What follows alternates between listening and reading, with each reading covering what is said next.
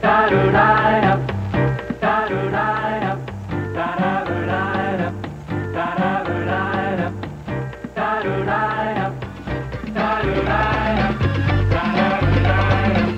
är fredag igen, tiden går fort när man har kul och vi är tillbaka som vanligt varje fredag med Reformera-podden. Mitt i höstrusket, men det är ändå lite mysigt med alla varma, härliga, strålande färger som vi får ha kvar en liten stund till på träden. Jag heter Magnus Persson, som vanligt värd för Reformera-podden och idag så har jag glädjen att ha min vän Elin Liljero Eriksson med mig. Hej Elin! Hej Magnus! Du, nu ska jag försöka ge mig på att presentera. Det är alltid enklare att presentera människor man egentligen inte känner, så kan man göra lite mer formellt, men jag känner ju dig lite grann. Men du får rätta mig om jag har fel. Men Elin Liljero Eriksson, 38 år, men du fyller snart år, eller hur? Ja, det stämmer. Vi kan säga 38, det är skönt. Ja, ursäkta att jag nämner en kvinnas ålder här, det är ju ofint. Du är eh, och har varit länge frilansjournalist, men också eh, skrivit och varit redaktör för flera stora och kända livsstilsmagasin. Nu arbetar du bland annat eh, med, som en redaktör, eller en av redaktörerna, för en, enligt mig, Sverige, en av Sveriges bästa helgmagasin, Perfect Guide. Alltid kul att läsa och titta i den. Du är också författare till två böcker, mamma till två barn, hustru till en man och matte till en hund. Är det något jag har missat? Nej, det låter jättebra. Det är fulltäckande. Underbart. Ja, det stämmer. Du är journalist. Hur länge har du eh, hållit på med att skriva? Och hjälp, eh, sen jag var typ 19, 19-20 år eh, fick jag mitt första jobb på Expressen. Samtidigt det... som jag gick bibelskola. det är du. Ja. För mig är ju journalist, och jag tänker för många också, det är lite så här wannabe-yrke. Hur, hur, kommer man in på det spåret? Visste du redan från början att det här kommer till att bli, eller halkade du in på ett bananskal? Eh, jag visste inte alls det. Jag trodde jag skulle bli forskare, och så här, för jag gillar att gräva och liksom söka och ganska nyfiken av mig. Eh, men sen så eh, var det faktiskt min svensklärare som, som Ibland behöver man bara en sån där person som ser en liksom, och sätter ord på något Just som man det. inte visste att man hade. Så, eh, så, den läraren, han sa i slutet av gymnasiet där att eh, du har något. Men jag tänker det här med, ja, med nyfikenhet och att, att gräva, det, det måste ju vara en otrolig tillgång som journalist. Ja, det är en tillgång. Sen har det blivit mycket, liksom, jag är ju ingen grävande journalist så, men jag möter ju extremt många människor i mitt jobb. Eh, där det handlar om att vara eh, nyfiken eh, på människor och det, det är jag. Och just det här som, du, som jag vet att du mycket gör, jag har läst mycket av det du skriver, att du berättar andra människors berättelser. Det, det, det är en konst att kunna sätta att klä andra människors berättelser i ord och göra den tillgänglig för andra. Och idag så ska vi inte berätta någon annans berättelse, utan idag ska du berätta din berättelse. Och inte hela din berättelse, men en speciell men viktig del av ditt liv.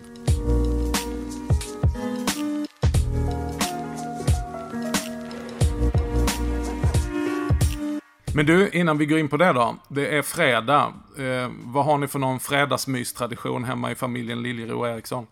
Eh, freden är en väldigt, alltså jag älskar fredagar. Då har jag också lämnat, jag jobbar ju som sagt som redaktör för Svenska Dagbladets eh, helgmagasin, så då har vi lämnat till tryck den dagen. Eh, så det är en underbar känsla att känna att nu har jag gjort mitt, nu kan jag gå gå för helg. Um, mm. Så vad gör vi? Vi har, uh, ja, men det blir ju väldigt klassiskt. Ofta blir det taco, men just nu är det väldigt mycket sushi i vårt hus.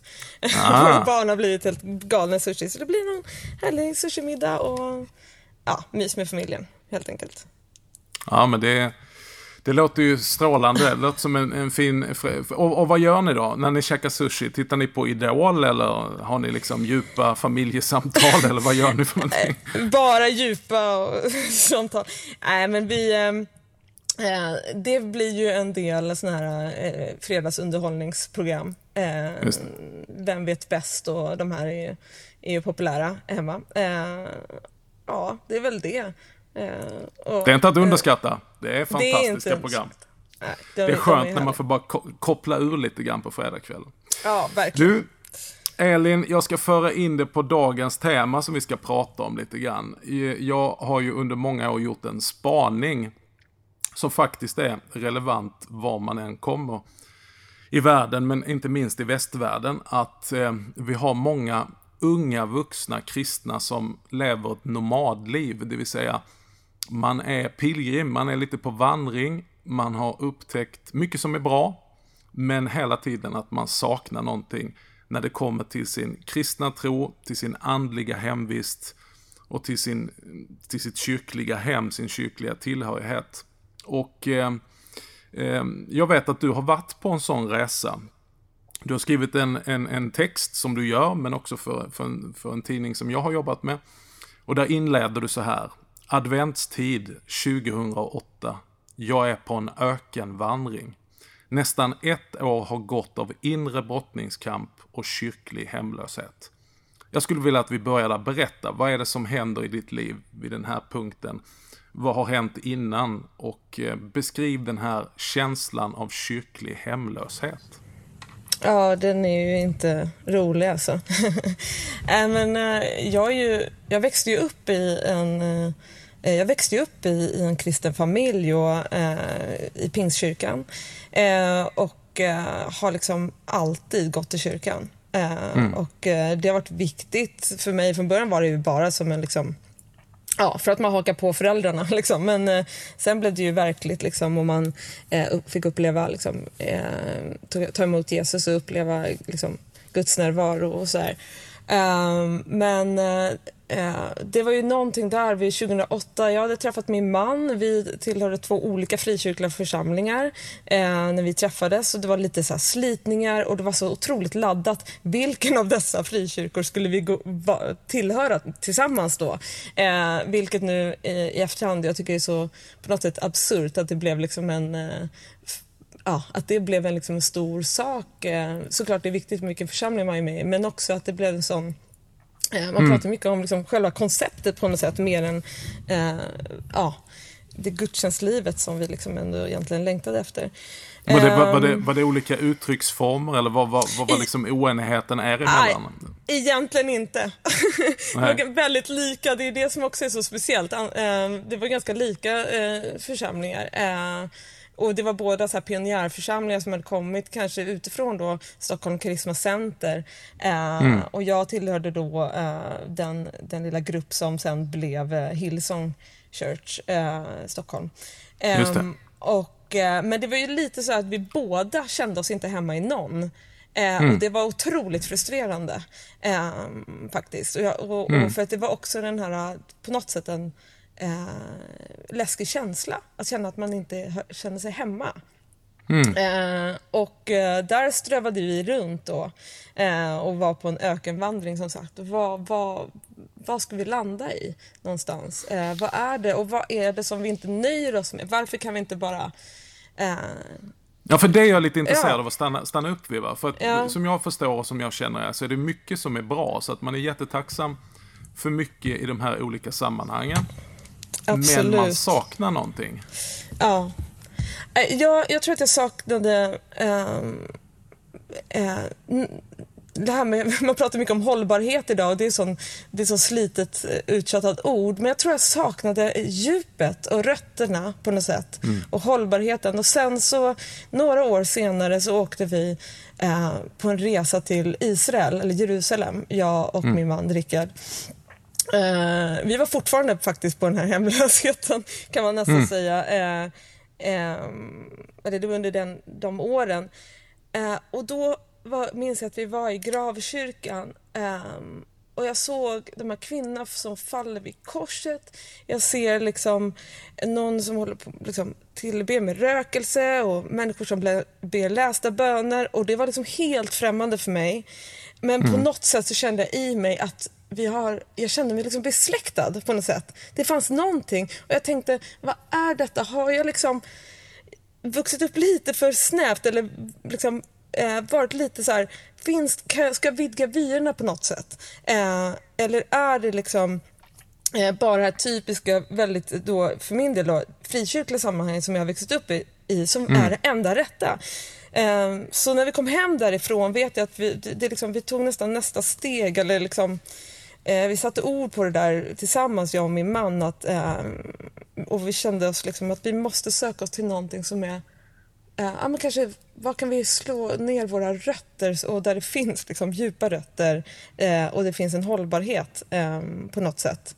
Eh, det, det, här är en spännande ja. resa, för, för med din då frikyrkliga uppväxt från pingst och sen modernare former av pingst som, som har berikat kristenheten med jättemycket, men, men, men då kanske med den uppväxten så, så är ju de här olika uttrycken av eh, vad ska man säga, de historiska kyrkorna ganska främmande. Mm. Men vad var det ändå som, som liksom kröp under skinnet på dig i mötet med, med den historiska kyrkan? Mm. Alltså först ska jag helt ärligt säga att jag blev lite rädd för mig själv. För får jag tänka mm. så här? Får jag mm. tänka så här?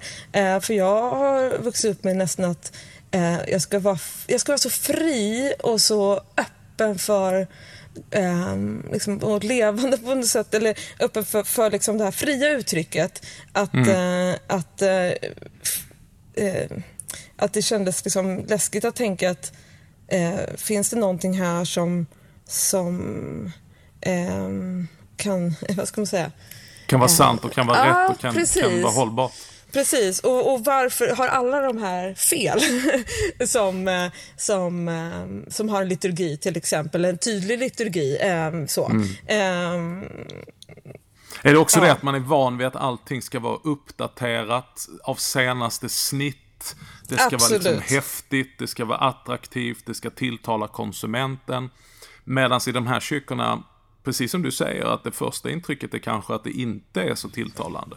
Ja, precis. Men det var ju också det som, det kanske är nyfikenheten i mig och jag vet inte, det var ju det som också lockade. Jag var väldigt mm. trött på det här moderna, otroligt trött på det. Jag jobbade mm. då med modemagasin och var inne väldigt mycket i liksom pulsen i Stockholms innerstadsliv, men jag blev liksom nästan eh, jag mådde dåligt över att det skulle vara så häftigt på något sätt. För att jag också, jag vet inte, jag var väldigt känslig för att det måste vara äkta och det var, jag tror att i de sammanhangen som jag var i så var det äkta men kanske för mig kändes det inte äkta. Alltså när jag uttryckte mig så blev det mm. liksom, för mig blev jag liksom på något sätt, eh, jag kände mig liksom här, hemma. Blev de här två världarna alldeles för lika för dig? Alltså du som levde mitt i vimlet eh, som redaktör och, och för många liksom trendsättande eh, och trendkänsliga livsstilsmagasin och det är mycket yta och det är mycket som är, som är häftigt och så vidare. Och så kommer man till kyrkan så är det lite bara lite annorlunda men ändå mer av samma liksom. Ja, men du känna så?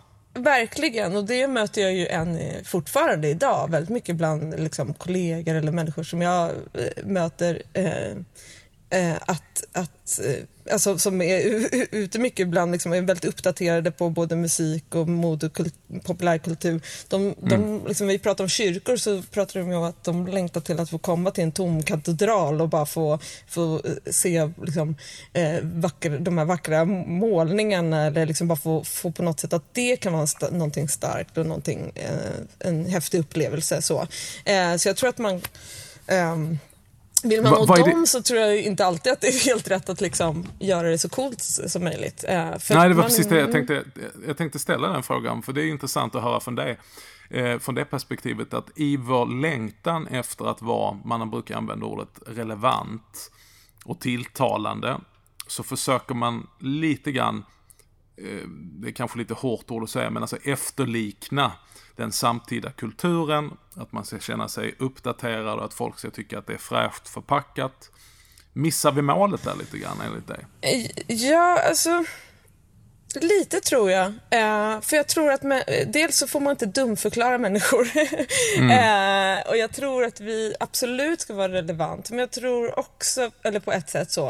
Eh, mm. Men samtidigt så finns det ju någonting, dels måste man bara lita på att Helena Ande finns där och, och möter varje människa. Men också att eh, också att det finns någonting i det egna sökandet. Att man behöver inte sätta, förklara allting helt hundra procent. Eh, perfekt. Och, och, och eh, för att jag upplever att människor, det, det, man vill ha, eller det man är livrädd för, det är att man ska bli lurad.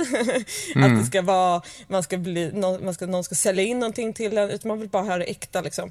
Och idag, det kanske vi kommer till sen då, men jag, vi är ju med i Santa Clara kyrka där det liksom är enormt blandning av människor och, eh, och vissa liksom, eh, man kan aldrig lita på att allt är perfekt när folk kliver in i den eh, mm. i, i en kyrka. Men när människor kommer dit så känner de, tror jag, och jag gör det i alla fall, eh, den här äktheten.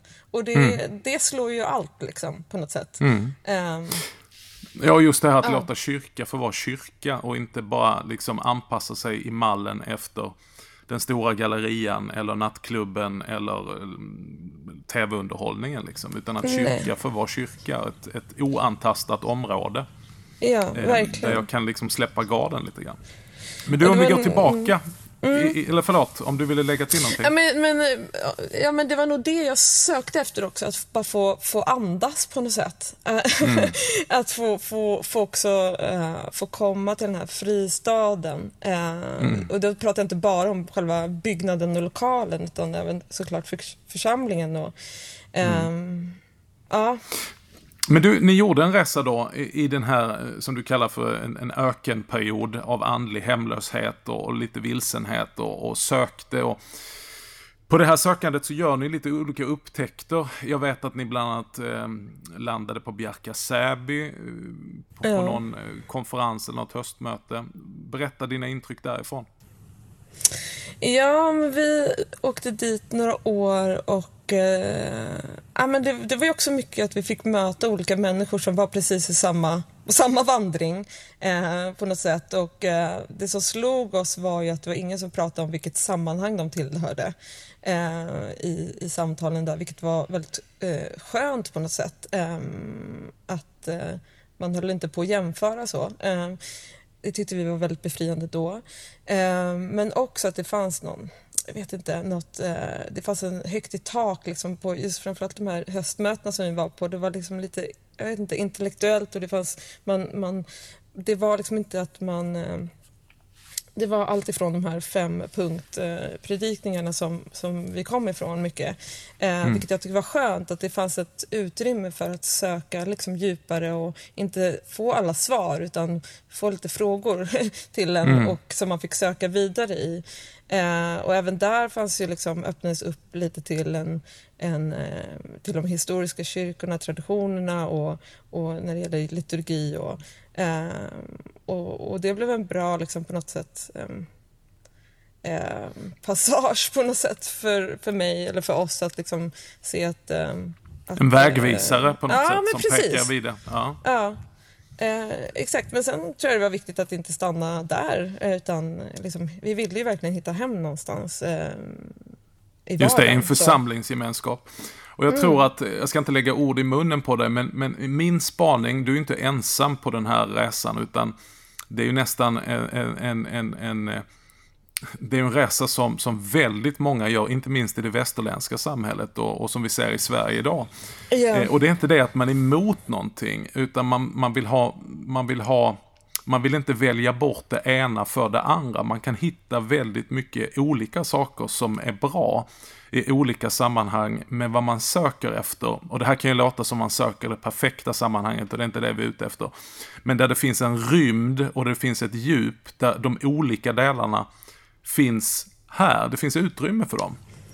Ja, Någonting som jag brukar kalla för, för, för, för någon sorts helkyrklighet. Och, och på den resan så, så har du skrivit så här att i den här texten jag refererat, när jag fick upptäcka liturgins sanna skönhet, gjorde det mig nyförälskad i gudstjänsten. Här finns allt.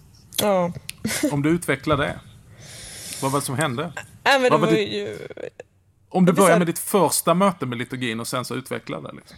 Oj, mitt första möte, det är svårt att, det vet jag inte. Men, men jag tror också du Magnus hade, spelade en viktig roll där, för vi möttes ju också någonstans under den här resan liksom och, och du gjorde ju din liksom, resa du också mm, och, och mm. gav, liksom, satte ord mycket på det som man funderade på och du kom också från samma liksom, håll så, i kristenheten mm. och det betydde också mycket måste jag säga. Um, för jag hade vuxit upp med mycket just när det gäller liturgi, att liksom uh, att det, det var någonting som man bara så här, uh, följde liksom och, och checkade av. Nu har vi gjort det, nu har vi gjort det, nu ska vi resa oss, nu ska vi sätta oss, nu ska vi göra det här. Precis. Eh, men, det här mekaniska liksom. Exakt, och, eh, och det var ju det också som mycket, jag kan säga, bekänna det, men det hade väl, mycket, hade väl jag föraktat också mycket och bara mm. tänkt att det där, de är inte de är inte på riktigt de som gör det. De, de, de, eh, de bara följer någonting och, och, känner inte med hela hjärtat och eh, så.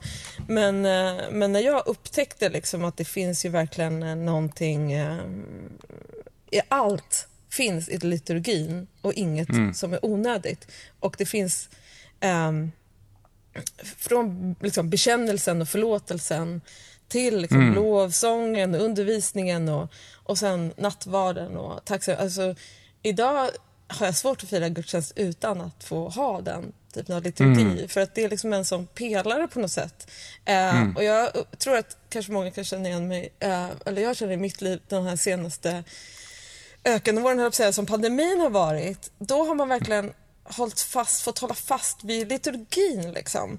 Eh, mm. Det, det, har liksom inte, jag har inte kunnat, vi har inte kunnat gå till gudstjänst och uppleva alltid det här eh, underbara lovsången eller vad det, vad det nu kan vara. Utan men vi, jag har fått ha den här, jag vet att det finns en, den här ordningen eh, mm. som finns i, rotad i en tydlig liksom, liturgi och evangelium såklart. Och, och eh, det är hållbart. Det håller mig. Det, beror, det hänger inte på mig. Liksom. Och det, Just det. Jag, jag, tycker att det är... jag, jag, kan, jag vill alltid leva med det.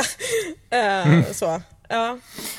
Nej men det, det, som sagt, vi har gjort liknande resor. Jag kommer ju också eh, och har gjort den här resan. Och jag, det är så mycket jag vill ta med mig, men det är så mycket som jag upptäckte på den resan som jag också vill ha. Och som är alldeles avgörande för mig. Så jag brukar ju säga att för mig har liturgin varit en livboj. En livboj som hittar mig i mitt tillstånd var jag än finns, där jag håller på att drunkna i mina egna känslor eller drunkna i mina egna bekymmer. Och, och förr så var det liksom lite grann så här att jag måste peppa upp mig själv och måste vara i form för att komma på, på en gudstjänst. Medan ja, liturgin idag blir en livboj som drar mig in i Guds famn. Så vad jag än gör, jag behöver inte känna så mycket eller göra så mycket, utan när jag följer liturgin så är det precis som jag sakta men säkert och ömt av Guds hand dras in i hans famn. Och hur den går så landar jag där på knä framme vid altaret och vid nattvarden och så bara, jag är hemma liksom. Ja men exakt så. Uh, jag är ju en ganska känslo, jag är en känslostyrd människa. Uh, mm. Hopplös, liksom, jättejobbig. Uh, men ibland kan det vara en fördel, men ibland, men oftast är det ganska jobbigt.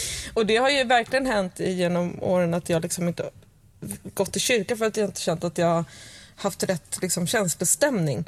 Mm. Jag har liksom uh, inte känt mig tillräckligt peppad. Liksom. Uh, mm. Idag uh, behöver jag bara ta mig dit, som du säger. Mm. Så mm. kommer jag in i den där rytmen och det... ja, det, det är liksom gudstjänsten som bär mig på något sätt. Mm. och, Istället för och, att du ska bära gudstjänsten. Exakt. Det är inte upp till dig liksom.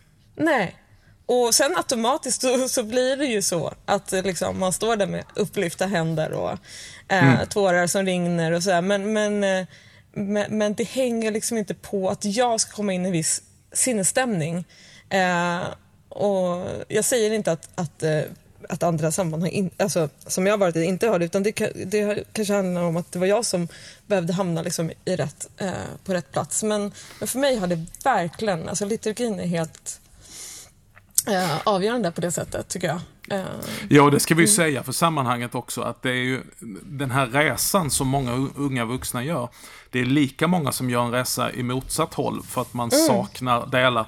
Det finns ju många, jag har ju mött många vänner som, som eh, är uppväxta och har varit liksom trogna och hängivna i Svenska kyrkan, men som har upptäckt andra sidor som har hamnat i frikyrkan och det finns de som har gått från frikyrkan till Svenska kyrkan. Så egentligen så, vad vi, vi jämför ju inte samfund här.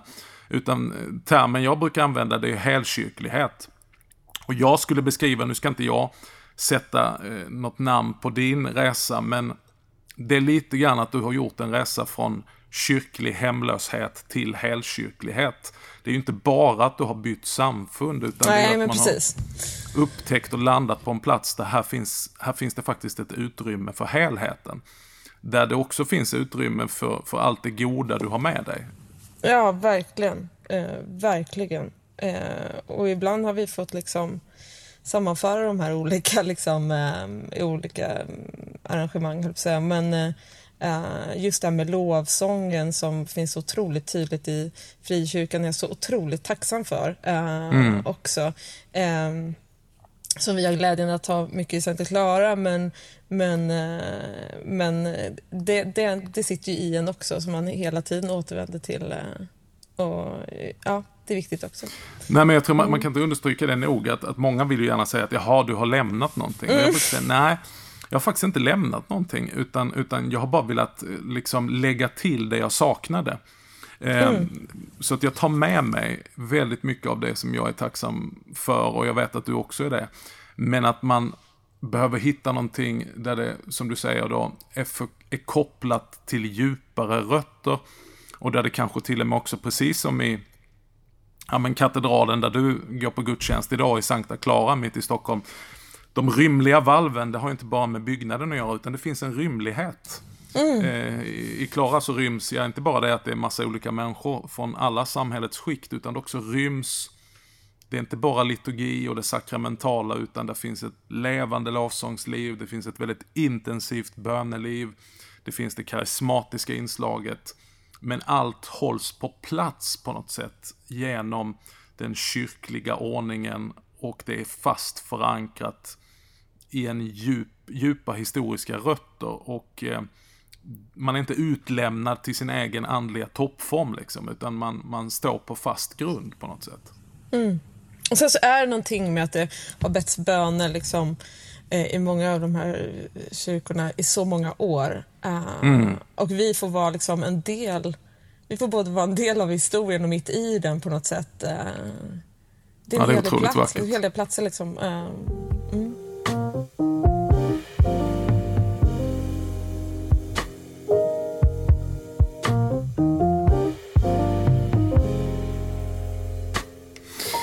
Men du Elin, tiden går snabbt. Mm. Det här har ju mm. lett till att inte bara att ni idag då är eh, medlemmar och aktiva i Sankta Clara kyrka, utan eh, du är också en av initiativtagarna, du och din man, bakom det som jag också får nåden att vara en del av, Klara-mässan, som är liksom på något sätt ett, ett uttryck eh, för den här längtan och för din upptäckt och att också ge möjlighet för många. Mm. Eh, berätta lite grann om tanken bakom Klaramässan och hur den föddes och, och vad är det som gör Klaramässan i all sin enkelhet, egentligen är det en vanlig mässa men den är ändå speciell. Mm. Berätta, vad tänker mm. du? Ja, men, vi, jag och min man hade burit på den vad ska man säga, visionen eh, i många, eller drömmen i, i flera, flera, år tror jag. Eh, och det var lite som, det kom nog till oss när vi var där i, på Bjärka och såg alla dessa människor som var som oss. Liksom. Mm. eh, många, liksom, eh, nu är inte jag kanske ung vuxen, men det var många så här, unga vuxna. Eh, men också, eller ja, det var ju småbarnsföräldrar också, men, men som längtade efter stillhet, komma bort från liksom, bruset, stressen. Men också liksom, söka djupare. Mm. Och då tänkte vi att eh, det, här, det, här borde vi, det här borde vi göra någonting i Stockholm som är en sån otroligt eh, full av otroligt mycket stressade eh, människor, andligt hemlösa människor eh, mm. eh, och också ängsliga människor som längtar mm. efter eh, alltså frid på något sätt. Mm. Ehm, eh, och då, då föddes en dröm om att skapa en, en mässa som eh, eh dels visuellt liksom, bara få med hjälp av liksom, levande ljus och släcka ner hela kyrkan och ha mycket levande ljus. Eh, också lugn, liksom, lugn lovsång, inte för liksom, uppsjåsat eller vad man ska säga, uppumpat kanske man kallar det. Eh, utan mer väldigt så enkelt och avskalat. Eh, att man ska kunna komma till den här mässan precis som man är. Eh, om man eh, har, är van vid att gå till, till kyrkan eller om man aldrig har varit i en församling. Eh, eh, där liksom, eh, ja det är ju en liksom, det kan ju du också sätta ord på ännu bättre än vad jag kan, men det är ju liksom en, en mässa som, där vi såklart firar eh, nattvard men också där vi får eh, undervisning och eh, man på något sätt förhoppningsvis får lägga ifrån sig stressen och rikta liksom blicken uppåt. Och, eh, mm. och böja sig liksom på något sätt inför det heliga. Eh, mm. att, eh, att inte sätta sig själv i centrum och det är så otroligt befriande. Eh, mm. och, och, och bara få, få komma närmare Gud. Eh, mm. Det är vår förhoppning. Eh, Ja, men jag tycker och, ni har fångat det i den här taglinen som kommer från psalm 46. Bli stilla och besinna att Herren är Gud. Mm. Det har ju Exakt. liksom på något sätt varit temat för Klara-mässorna. Att det, det, är, det blir en häftig upplevelse i all sin icke-häftighet på något sätt. Ja, men precis. Det, det, är, någon sa till mig, eh, jag tror det var nu senast vi körde Klara-mässan. Ja, men vad gillar du det här då? En person som inte kommer från van vid, vid, vid, vid att fira mässa överhuvudtaget och liturgin och, och stillheten. Mm. Och eh, sammanfattat så sa personen, nej men det som gjorde nog starkast intryck på mig det var att ni inte anstränger er. Mm. Eh, alltså just att det känns inte ansträngt, att det känns inte precis som du sa upp, eh, uppskruvat liksom, utan det är ju väldigt stilla. Mm. Eh, och eh, jag tror det är den här stillheten som fylls eh, på ett alldeles speciellt sätt av Guds närvaro. Gud är närvarande hela tiden, men jag tror att stillheten hjälper oss att förnimma. Här är Gud. Verkligen, och vi inleder ju med en stunds tystnad. Och mm. jag tycker att det är en sån exklusiv, lyxig stund. Det är helt sjukt, mm. men, men det är ju så idag. Att vi Tystnad är en lyxvara idag. ja, och uh, det har jag också fått reaktioner på. Alltså positiva. Mm. Men, uh, men först också, jag visste inte vad, vad, vad hände där. Liksom, helt tyst i hela här kyrkan. uh, men det fick mig att liksom lägga ifrån mig allting. Släpps, mm. bara sakta lämna liksom mitt eget, liksom, alla mina mm. egna problem och, och, och tankar och, eh, och bara få rikta liksom, blicken eh, mm. upp mot korset. Um, och det, det är liksom min längtan. Um, och vi ser ju att liksom det, de möter ju alla möjliga människor som kommer till Klarmässan men det är en hel del som liksom ha, är just de här hemlösa, andligt hemlösa, kyrk, kyrklösa liksom, som, som mm. kanske har eh, sår från tidigare liksom, eh, ja, eller erfarenhetssår från liksom sin historia eller någonting och så kommer de in och känner att vad skönt, just det som du säger att jag behöver liksom inte visa upp mig så mycket. Eller jag, behöver liksom mm. inte, jag kan sätta mig här bara och vara med och så tar liturgin med oss eh, i, i, in i liksom, eh, både bekännelsen, förlåtelsen eh, och lovsången och undervisningen och sen nattvarden. Och det är så mm. underbart. Mm. Nej, men det är verkligen det, det, det, är, en, det är en fantastisk eh, miljö. Och som sagt, egentligen eh, för många är det en helt vanlig mässa, men som kanske då i, i, i sina få uttryck appellerar till, väldigt mycket till nutidsmänniskan och inte minst till människor som av olika anledningar kanske har någon form av andlig utbrändhet eller mm. man har satt sådana stora krav på sig själv att det är kanske ingen annan som har dömt ut en, utan man kanske har dömt ut sig själv utifrån den teologi man har varit uppväxt med, att jag är inte bra nog, jag är inte ren nog, eller jag är alldeles för syndig, eller jag är för dålig, eller jag lever ett annat liv, och så komma in och dras in i nådens famn. Mm. Så det är ju en väldigt atmosfär av nåd, eh, och samtidigt då det här helkyrkliga, att eh, jag känner igen saker från kanske traditionen som jag kommer ifrån, men sen får jag också möta nya traditioner, nya uttryckssätt. Alltifrån det här som eh, har varit ett signum i många kyrkor, men som kan vara nytt för många, att bara få tända ett ljus. Mm, att få böja sina knän vid ett kors, eh, vid en ikon, eller att få bli smord med olja och få förbön. Eh, att få komma fram med sina kupade tumma händer, liksom på något sätt bara bära fram sitt liv och så i sina tumma händer få ta emot bröd och vin i nattvarden.